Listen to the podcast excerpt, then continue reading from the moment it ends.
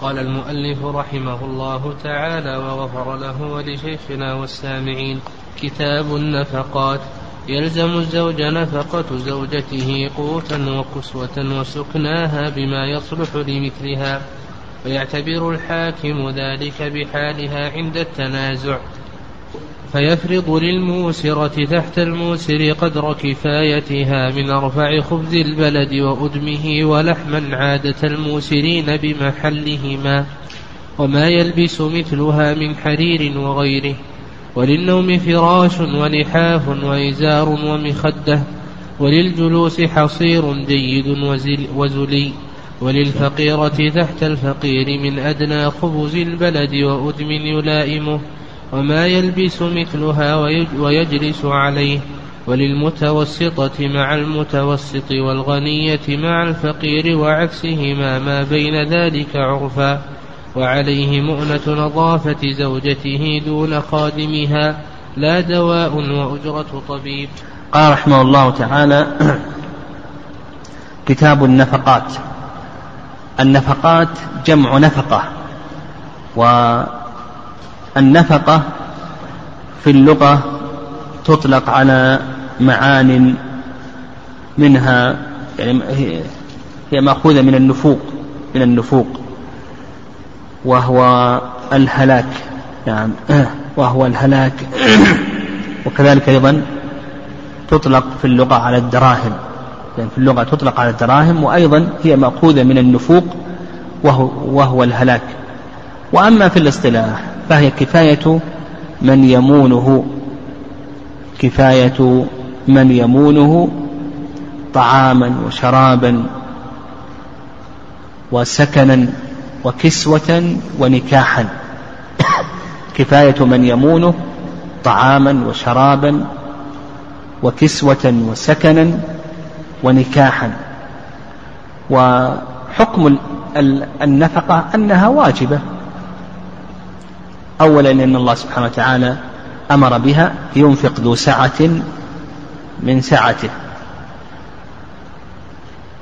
وثانيا أنها سبب لحفظ النفس وما لا يتم الواجب إلا به فهو واجب. والأصل في النفقة القرآن والسكنى القرآن والسنة والإجماع. أما القرآن فقول الله عز وجل ينفق ذو سعة من سعته ومن قدر عليه رزقه فلينفق مما آتاه الله. وأما السنة فسيأتينا من ذلك حديث عائشة في الصحيحين أن النبي صلى الله عليه وسلم قال لهند خذي ما يكفيك وولدك بالمعروف والإجماع منعقد على ذلك. كما تقدم أن حكمها واجبة.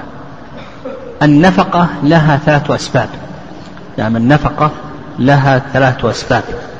السبب الأول النكاح والسبب الثاني القرابة والسبب الثالث الملك.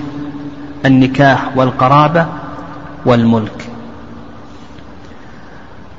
وأقوى هذه الأسباب هو النكاح. ولهذا يرون أن النفقة في في النكاح أنها من قبيل المعاوضة. ولهذا ابتدأ المؤلف رحمه الله بهذا السبب. قال المؤلف يلزم الزوج نفقة زوجته قوتا وكسوة وسكناها بما يصلح لمثلها.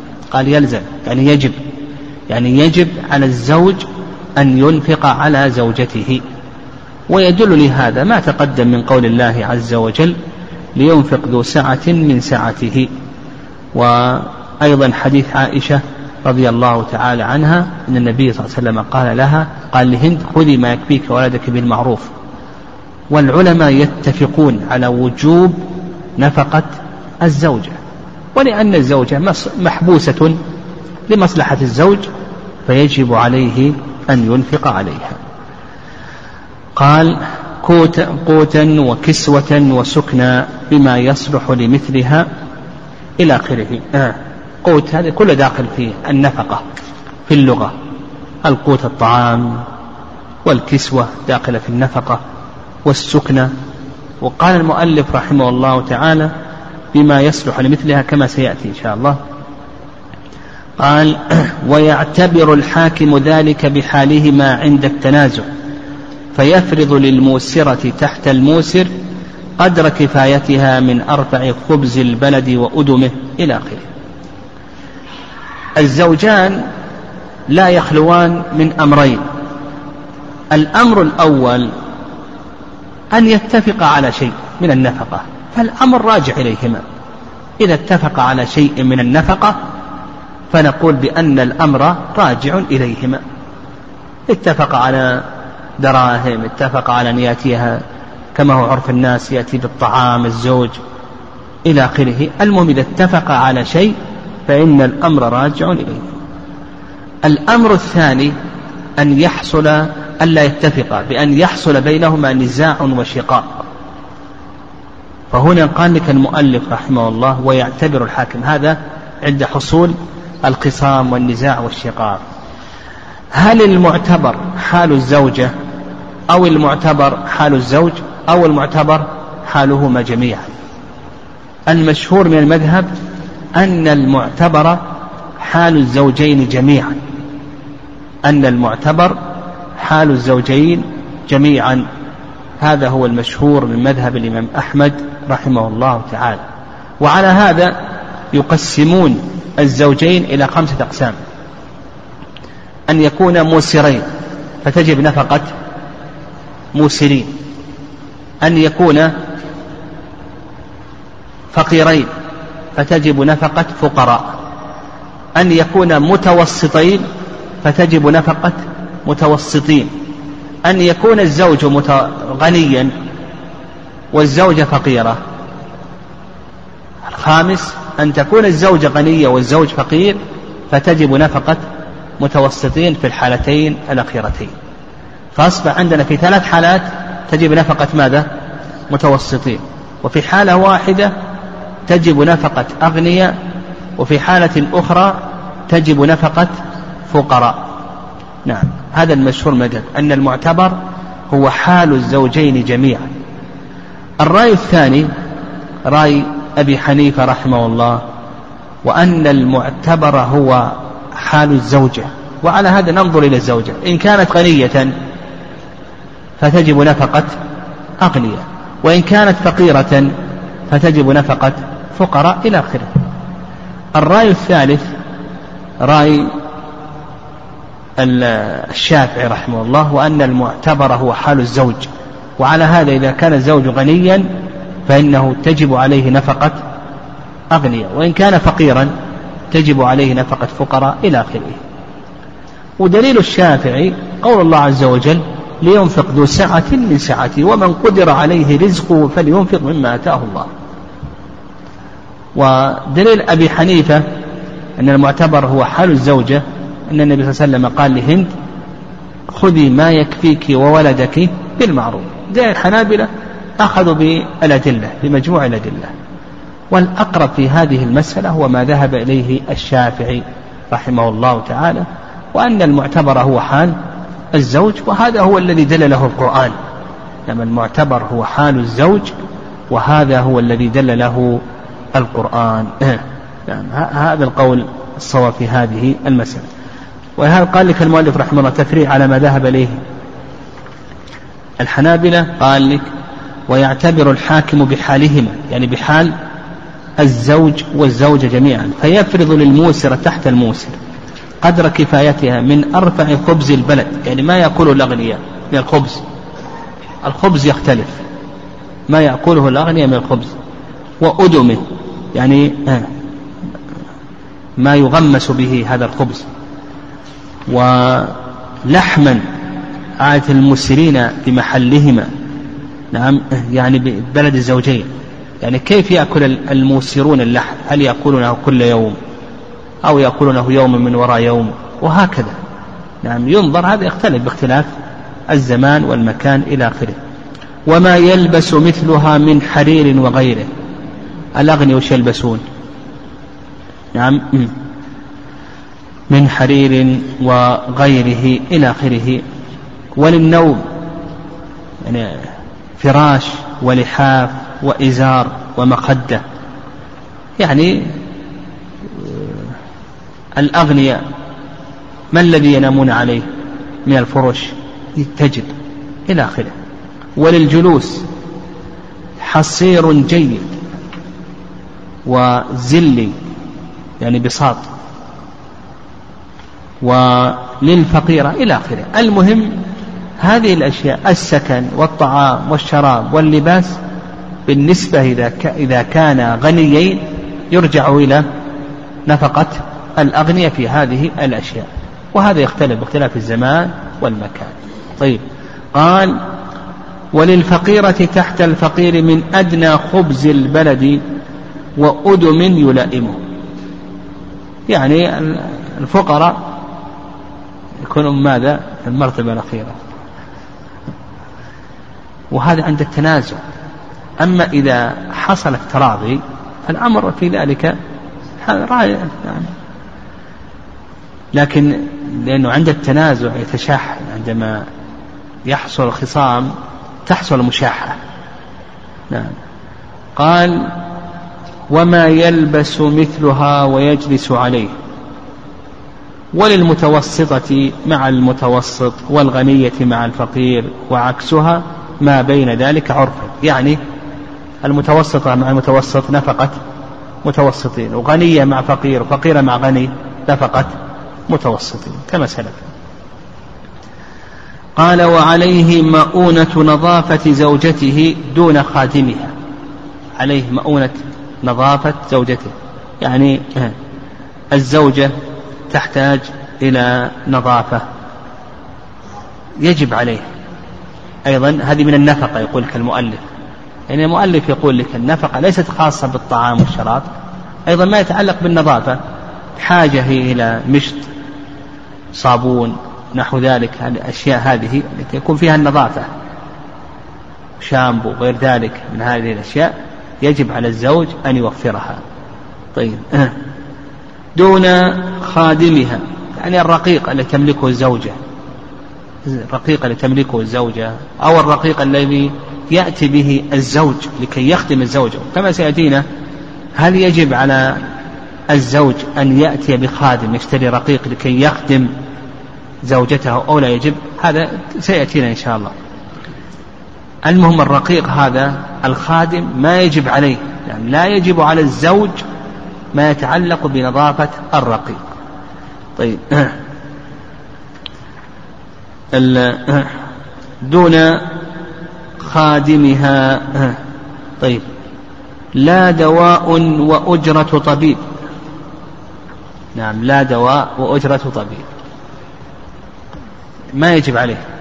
يعني لو أن الزوجة مرضت واحتاجت إلى دواء أو احتاجت إلى الذهاب إلى آه، المشفى لكي تتعالج فهل يجب على الزوج ذلك أو لا يجب؟ يقول لك الزوج المؤلف يقول لك بأن هذا ليس ليس من النفقة ليس داخلا في النفقة وعلى هذا تكون أجرة الطبيب من أين من مالها ما يجب عليه. اشتراء الدواء من المخزن الأدوية يكون من أي؟ من مال الزوجة ولا يجب على الزوج أن يأتي بهذه الأشياء. يعني وهذا يعني جماهير العلماء على هذا. لأن جماهير العلماء رحمهم الله على هذا. يعني الحنفية والمالكية والشافعية كلهم يرون هذا الرأي. وأنه لا يجب على الزوج ما يتعلق نعم لا يجب على الزوج ما يتعلق بالعلاج ونحو ذلك.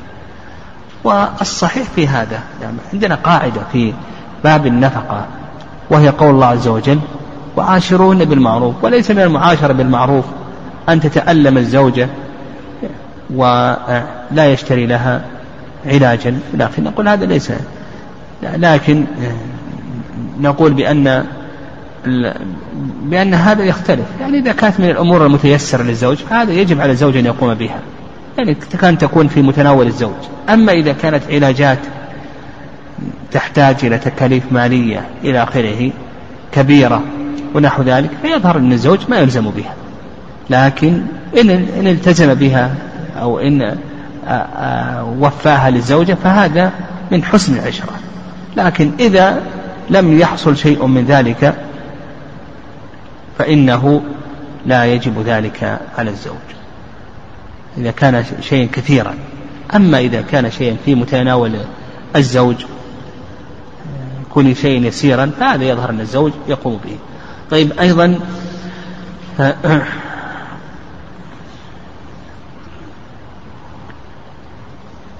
قال المؤلف رحمه الله تعالى طيب ما يتعلق بأدوات التجميل يعني من الأمور التي تستخدمها النساء من التحمير والتصفير. هل يجب ذلك على الزوج؟ أو نقول بأن هذا لا يجب على الزوج. أيضا الفقهاء يقول لا يجب على الزوج. إن أرادها تتجمل له اشترى لها مثل هذه الأشياء. إذا لم يردها تتجمل فإنه لا يجب عليه مثل هذه الأشياء. والصواب في مثل ذلك أن كما ذكرنا القاعدة أنه يرجع إلى النفقة بالمعروف. وليس من النفقة بالمعروف أن يحرمها مثل هذه الأشياء لأن المرأة جبلت على حب مثل هذه على حب مثل هذه الأشياء من التجمل ونحو ذلك. والله عز وجل قال أو من ينشأ في الحلية وهو في الخصام غير مبين. فالصواب في ذلك أن هذا داخل في النفقة ولأن مثل هذه الأشياء هذه أمور ميسورة في يد الزوج. قال المؤلف رحمه الله تعالى فصل. نعم هذا الفصل عقده المؤلف رحمه الله لبيان نفقة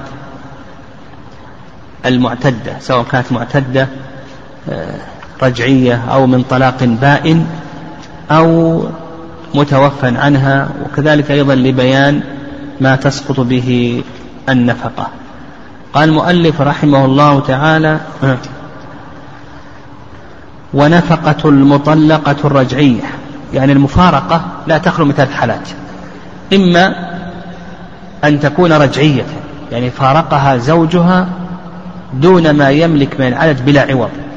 وإما أن تكون بائنا إما بينونة صغرى أو بينونة كبرى. بينونة الكبرى ما هي؟ طلقها زوجها آخر ما يملك من من العدد. وبينونة صغرى مثل المقتلعة والمفسوقة الثالثة المتوفى عنها زوجها.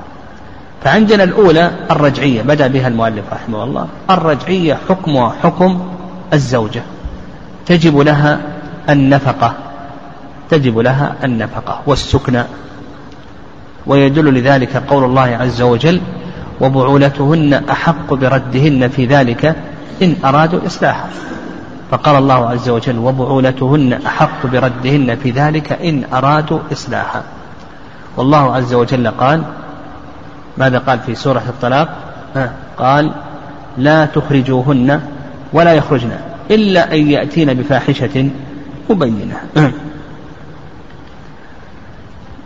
نعم. لا تخرجوهن من بيوتهن ولا يخرجن إلا أن يأتين بفاحشة مبينة.